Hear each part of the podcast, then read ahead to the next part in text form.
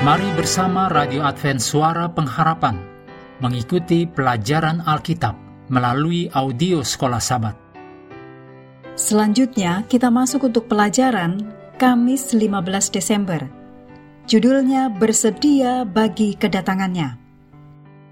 Mari kita mulai dengan doa singkat yang didasarkan dari 2 Timotius 1 ayat 10. Kedatangan Juru Selamat kita, Yesus Kristus, telah mematahkan kuasa maut dan mendatangkan hidup yang tidak dapat binasa.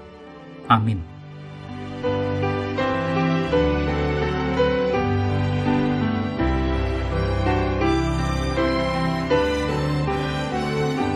Kita hidup di dunia yang hiruk-pikuk dengan terlalu banyak kebutuhan palsu dan hal-hal yang menarik tapi mengganggu dan mengalihkan perhatian kita dari Yesus.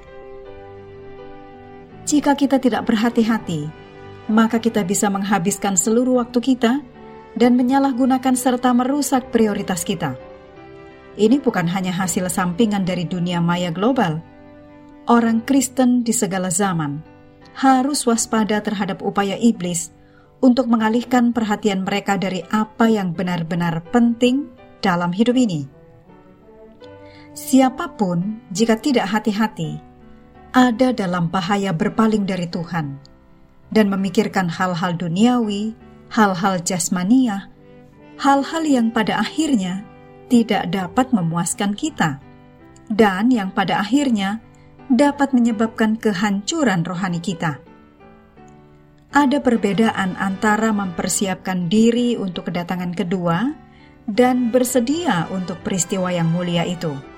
Dituliskan dalam 2 Petrus 3 ayat 14, sambil menantikan semuanya ini, kamu harus berusaha supaya kamu kedapatan tak bercacat dan tak bernoda di hadapannya.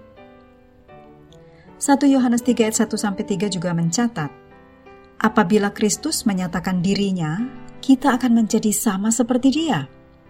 Setiap orang yang menaruh pengharapan itu kepadanya menyucikan diri, sama seperti Dia yang adalah suci. Seringkali pandangan tentang persiapan yang berkelanjutan bagi kedatangan kedua menjadi alasan untuk menunda-nunda. Ide ini dapat dengan mudah membuat seseorang bersantai seperti anggapan dari pelayan yang jahat. Dalam Matius 24 ayat 48 dikatakan, Tuhanku menunda kedatangannya. Mazmur 95 ayat 7 dan 8, Ibrani 3 ayat 7, 8, dan 15, dan Ibrani 4 ayat 7 mengatakan kepada kita agar bersedia sejak saat ini. Dalam perspektif Alkitab, waktu keselamatan selalu hari ini dan tidak pernah besok. Dan lebih banyak lagi, kecuali jika pengalaman perubahan besar terjadi, kita akan terus menjadi seperti sekarang ini. Waktu itu sendiri tidak dapat mengubah mereka yang belum bertobat, kecuali seseorang terus bertumbuh dalam kasih karunia dan terus maju dalam iman jika tidak, kecenderungannya adalah jatuh menjadi keras, skeptis, sinis, bahkan tidak percaya. Dari pandangan ini, kita dapat mengatakan bahwa keseharian hidup kita adalah bentuk miniatur hidup kita.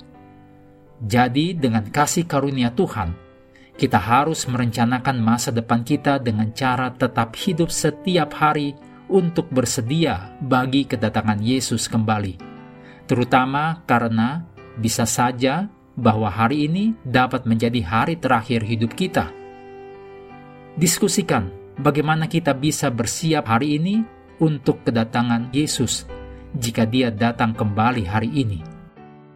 Mengakhiri pelajaran hari ini, mari kembali ke ayat hafalan kita, 1 Tesalonika 5 ayat 23.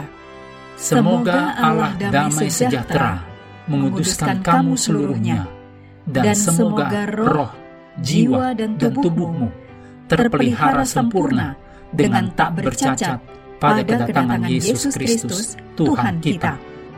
Kami terus mendorong Anda untuk mengambil waktu bersekutu dengan Tuhan setiap hari bersama dengan seluruh anggota keluarga, baik melalui renungan harian, pelajaran sekolah sahabat, juga bacaan Alkitab sedunia, percayalah kepada nabi-nabinya, yang untuk hari ini melanjutkan dari dua Raja-Raja pasal 23. Tuhan memberkati kita semua.